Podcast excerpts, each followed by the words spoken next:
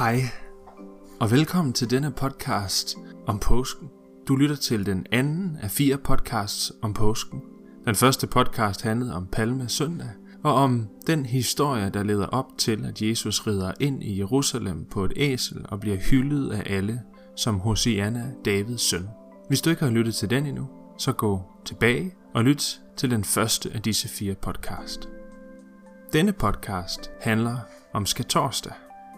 Og vi skal prøve at dykke ned i, hvad det betyder, når Jesus siger til påskemåltidet, han holder med sine disciple skal torsdag aften, at det faktisk er hans blod og hans læme, som disciplerne skal spise og drikke, og at de skal gøre det, for det er på den måde, at de kan få tilskivelse for alle deres sønder.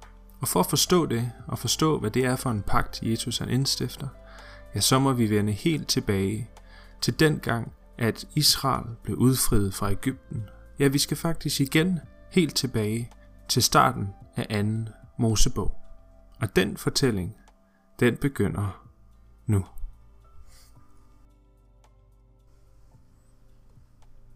Vågn op. Hey. Hey, du der. Ja. Vågn op. Shh, nej, du skal være stille. Men vågn op. Vi er travlt. Bliver nødt til at tage alle dine ting og pakke dem ned i en taske. Ja, det skal være en let taske. Vi skal ud og gå langt. Vi skal ud og gå i ørkenen, for vi bliver nødt til at komme væk herfra. De kommer efter os. De kommer efter os nu. De Ægypterne, de kommer efter os, og vi bliver så nødt til at flygte. Ellers så er jeg bange for. Jeg er bange for, at de vil slå os ihjel. Jeg tror virkelig, de mener det den her gang. De er os alle sammen den ude med. Kom nu, tag tasken, de kommer nu. Kom, så er det nu. Kom, vi bliver nødt til at løbe. Kom, kom.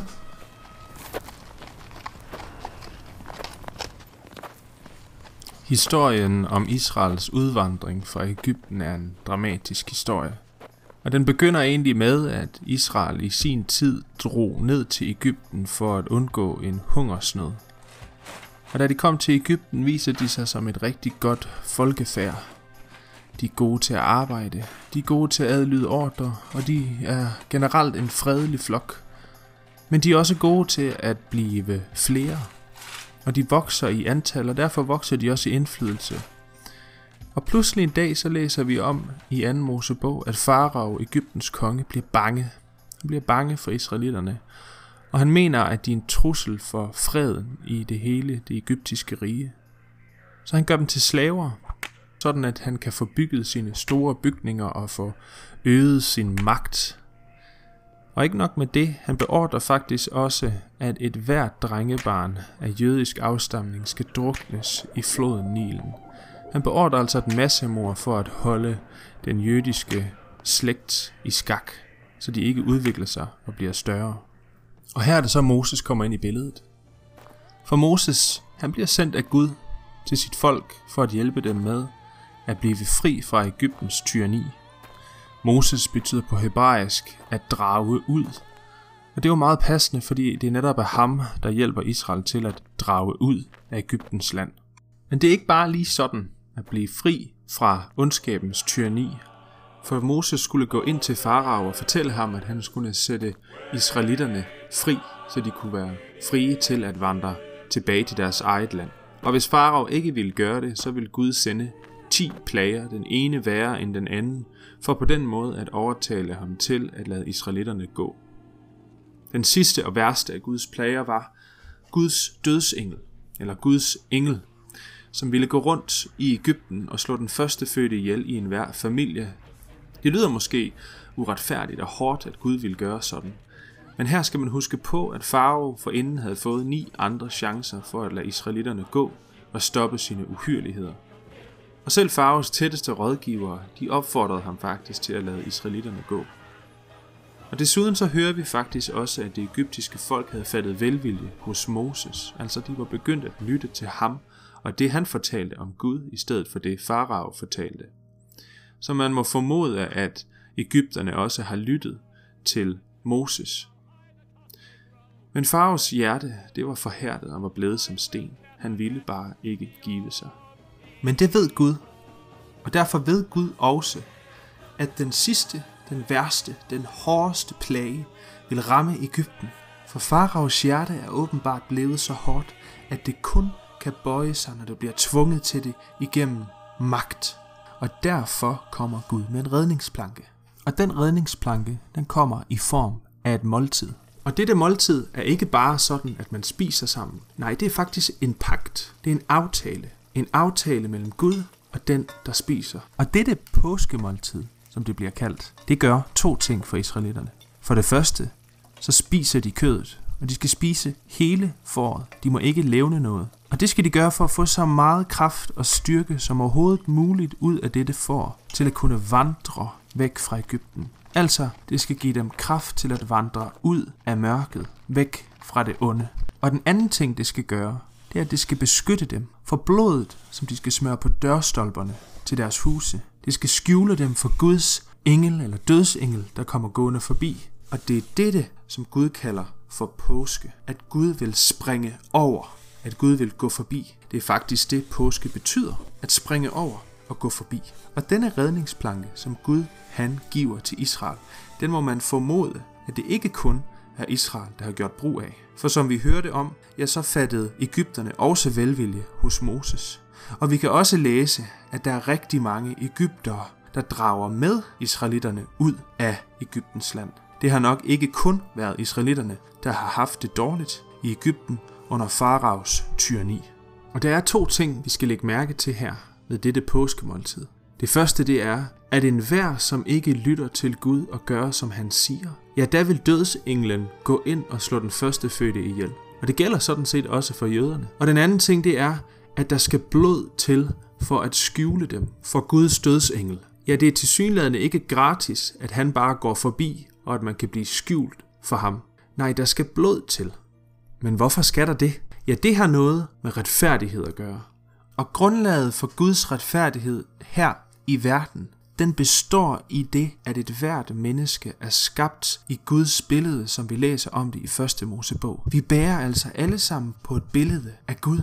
Og det betyder også, at alt hvad man gør med hinanden, det gør man også ved Gud.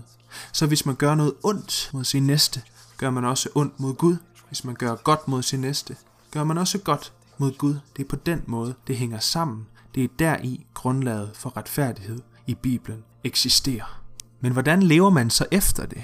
Jo, i det gamle testamente, der bliver retfærdighed blandt andet beskrevet som mishpat. Det involverer, at man ikke bare tror på, at mennesker er lige over for Gud, men at man faktisk også gør noget ved det. Man læser blandt andet i Jeremias bog, kapitel 22, vers 3, at Herren siger, at I skal øve ret og retfærdighed og befri den udplyndrede for undertrykkeren. I må ikke udnytte den fremmede, den faderløse og enken. I må ikke øve vold og ikke udgyde uskyldigt blod. Og i salme 146 står der, Herren er den, som skaffer de undertrykte ret og giver de sultne føde. Herren sætter de fangne i frihed. Herren åbner de blindes øjne. Herren rejser de nedbøjet. Herren elsker de retfærdige. Herren beskytter de fremmede. Han bringer faderløse og enker på fode. Så det er altså det, der er indholdet af Guds retfærdighed. Og det er det, som Israel, det jødiske folk, er kaldet til at gøre til en virkelighed. Og på den måde ved at gøre Guds retfærdighed til en virkelighed her på jorden, så vil Israel blive til den velsignelse, som jeg nævnte det i sidste podcast til Palme Søndag, til den velsignelse, de skulle være for hele verden. Men som jeg også nævnte sidst, ja, så viser historien i Gamle Testamentet, som den udfolder sig, at Israel på ingen måde kan leve op til det her. Nej, for Israel, de bliver også selv som Ægypten. De udvikler sig også til at undertrykke andre og gøre andre folk til slaver for sig. De gør også en masse uhyrligheder mod andre og mod sit eget folk endda. Pointen er, som påskemåltidet også viser, at det onde, det kommer inden fra menneskets hjerte. For selvom Israel dengang ved Ægypten var de undertrykte, og dem, der havde brug for at blive reddet, ja, så skulle de også gemme sig bag blodet fra lammet for at kunne skjule sig for Guds engel, fordi også deres hjerter var fyldt af ondskab. Og måske spørger du dig selv, jamen hvorfor skal man overhovedet skjule sig for Gud? Er han ikke bare kærlighed? Er han ikke god? Hvordan kan det være, at man bliver nødt til at gemme sig, når han kommer nær? Jo, det bliver man nødt til, fordi Gud han er helt igennem hellig. Og det er sådan lidt en vanskelig ting at forklare, men en måde man kan forstå det på er ved at sammenligne Gud med solen. Solen er jo fantastisk. Det er den, der gør, at vi er her. Det er den, der gør, at der er liv i vores verden. Men hvis du nu er en isterning, og du kommer tæt på solen, ja, så er den ikke så god. Nej, for så smelter du, fordamper, bliver væk, du går i stykker. På samme måde er det, hvis man har noget, der er fuldstændigt igennem godt, så vil alt, hvad der er ondt, jo tættere og tættere det kommer på, gå mere og mere i stykker. Og til sidst vil der slet ikke være noget tilbage af det eller den, der er ond.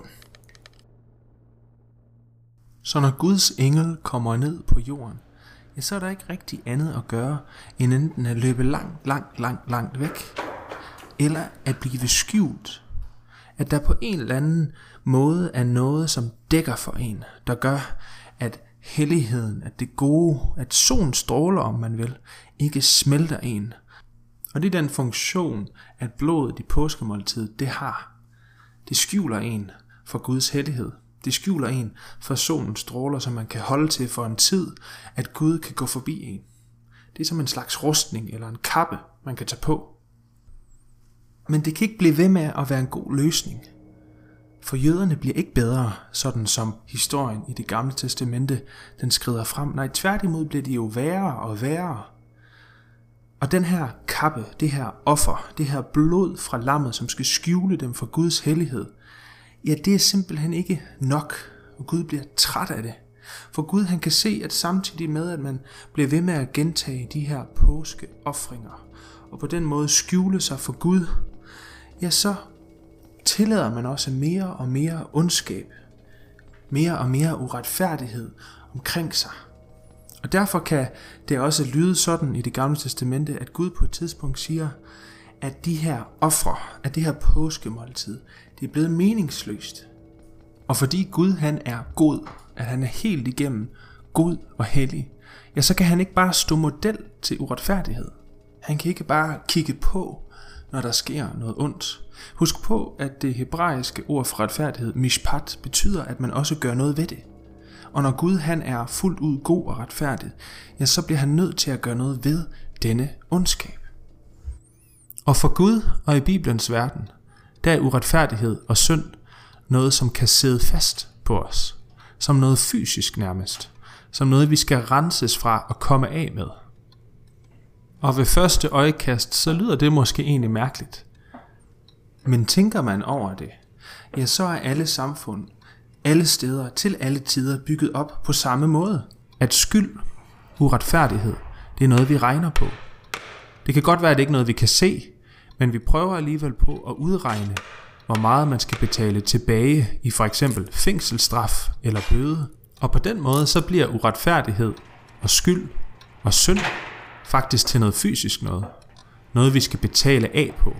Noget der har en pris. Og derfor er det heller ikke så mærkeligt, at det er på samme måde i Bibelen. For hvis vi har ret til at sætte nogen i fængsel, hvor meget mere har Gud, som har skabt alt og bestemmer over alt, så ikke også ret til at udmåle sin straf over os og den måde, vi lever på. Og på den baggrund kan man give et forsigtigt svar på, hvorfor der skal blod til at skjule israelitterne for dødsenglerne. For kigger man helt ærligt på verden omkring sig, og kigger efter det, man selv vil synes er ondt, det som virker til at være forkert i vores verden, ja, så vil man hurtigt opdage, hvis man er ærlig vel at mærke, at den trang til at sætte sig selv før andre, til at lukke for sin pengepunkt, når nogen faktisk har brug for en skilling, eller til at sige, at man er travlt og kigge på uret og skynde sig videre, når nogen de faktisk har brug for ens hjælp, den bor også i en selv. Og det er jo et kæmpe problem og dilemma for Gud. For skal han af med al den ondskab, der er i verden, ja, så skal han jo også af med os. Og hvis du har set nogle af Marvels superheltefilm, og set den, der hedder Avengers Age of Ultron, ja, så kender du allerede den her historie. For den robot, som Iron Man og de andre superhelte, de skaber for at passe på mennesker her i verden, ja, den indser meget hurtigt, at problemet med verden og menneskets beskyttelse, ja, det er mennesket selv. Og derfor beslutter den sig for at udslette alle mennesker, for det er den eneste måde, robotten kan udføre sin mission på, at udslette det uretfærdige og det onde i verden. Heldigvis så får alle superheltene jo stoppet den onde robot Ultron. Men problemet får de jo ikke løst. For til trods for alle deres mægtige superheltekræfter, ja, så kan de faktisk ikke komme det her problem til livs. Og nu er vi så nået frem til skal torsdag aften, hvor Jesus har måltidsfællesskab med sine disciple. Baggrund af alt det, vi har været igennem nu, kan vi nu begynde at forstå, hvad det er Jesus, han egentlig siger.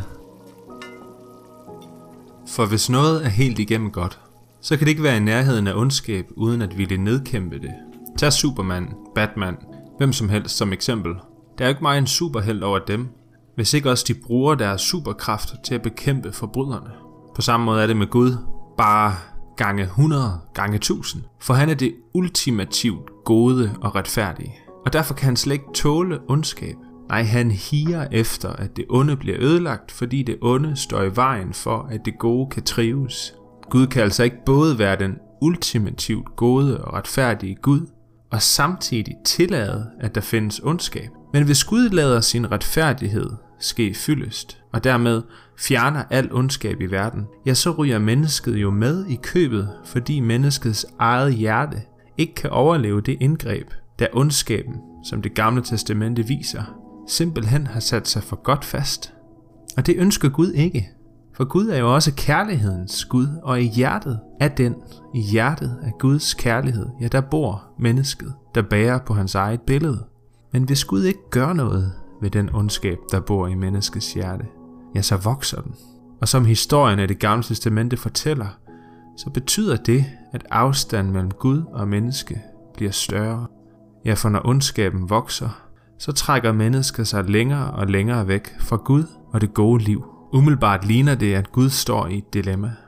Skal han fortsat være god og retfærdig, ja, så er han faktisk tvunget til at skille sig af med mennesket. Men skal Gud fortsat også være kærlighedens Gud, ja, så er han jo tvunget til at lade ondskaben leve, fordi den bor i mennesket. Så hvis Gud han skal redde mennesket, uden at gå på kompromis med hverken det gode, retfærdigheden eller kærligheden, ja, så er der brug for en superhelt med nogle helt særlige superkræfter. Der er brug for, at der er en, som kan gå i menneskets sted og betale prisen for al den uretfærdighed og ondskab, som mennesket har begået. For findes der ikke en pris for enhver ond handling, som mennesket har begået, så findes der heller ikke nogen retfærdighed. Ja, for det gode kan jo ikke eksistere, hvis ikke også det onde eksisterer. Findes der intet ondt, findes der intet godt, der er altså brug for en held, der tør og ikke mindst kan tage al den skyld, som mennesket bærer rundt på, på sig selv. En, som kan betale prisen for hele menneskeheden. Men det er ikke nok kun at betale prisen for al menneskets uretfærdighed. Der er nemlig også brug for en, som kan skabe menneskets hjerte om. En, som kan fjerne den ondskab, som bor derinde. Og bliver menneskehjertet ikke forvandlet, så vil det igen forfalde til at handle og leve ondt. Der er altså brug for noget ganske radikalt. Der er brug for en superheld, der også har superkræfter til at skabe menneskets hjerte om. Og nu under skatorsdagens påskemåltid mange, mange år efter Israel vandrede ud af Ægypten og forlod deres slavetilstand, der siger Jesus nu lige pludselig noget helt vanvittigt. For i det han deler brødet og vin ud til sine disciple, ja, så siger han faktisk, at det brød, som disciplene nu skal til at spise, og den vin, som de nu skal til at drikke, at den faktisk er hans eget læme og blod. Det lyder jo helt skørt, og det lyder også rimelig meget som om Jesu disciple faktisk er kannibaler. Men det skal nu forstås på den måde, at Jesus siger, at han fra nu af vil være det lam, som blev slagtet hvert år til påske. Det lyder måske mærkeligt, men husk på, at vi har hørt, at påskelammet havde to funktioner. Og det er disse to, som Jesus nu siger, at han vil tage sig af. Ja, Jesus siger faktisk, at det fra nu af skal være hans blod, som skjuler menneskets fejltrin over for Guds gode retfærdighed, som dengang i Ægypten gik ned på jorden i form af en dødsengel. Og fra nu af skal det være hans læme, som skal give kraft og styrke til, at den, som spiser af det, kan vandre ud af mørket og bekæmpe det onde, som lever i ens eget hjerte og i verden. Men det hele afhænger jo af, om Jesus har de rette superkræfter. Det nytter jo ikke noget, at Jesus bare siger det her, hvis ikke også han kan gøre det. Men hvis det virkelig kan lade sig gøre det, som Jesus han siger, hvis hans blod kan betale prisen for al verdens ondskab, og hvis hans læme kan give alle mennesker kraft til at vandre ud af mørket og ind i et liv i kærlig retfærdighed, i den her mishpat, som vi har hørt om, ja, så tyder det jo på, at Gud faktisk har fundet sin superhelt. så lyder det som om, at Gud har fundet en, der tør og ønsker at tage al menneskets skyld på sig. Og det lyder også som om, at Gud har fundet en, der kan og vil skabe menneskets hjerte om. Hvis Jesus virkelig har kræfterne og kærligheden til at gøre det her, ja, så har han virkelig en mulighed for at skabe en ny pagt, som han siger, han vil. At skabe en ny aftale mellem Gud og mennesker, som vender den anden vej end den gamle. For kan Jesus blive det påskelam, han snakker om, han vil være? Ja, så er det jo ikke længere mennesker, der skal tilberede et måltid for Gud. Nej, så er det Jesus, der tilbereder det for mennesket. Og derfor kan det jo heller aldrig blive meningsløst igen. Men det hele, det afhænger jo af, at Jesus rent faktisk kan og vil gøre det. Men alt det skal vi høre mere om i de næste to podcast om påsken. Tak fordi du lyttede med, og have en rigtig dejlig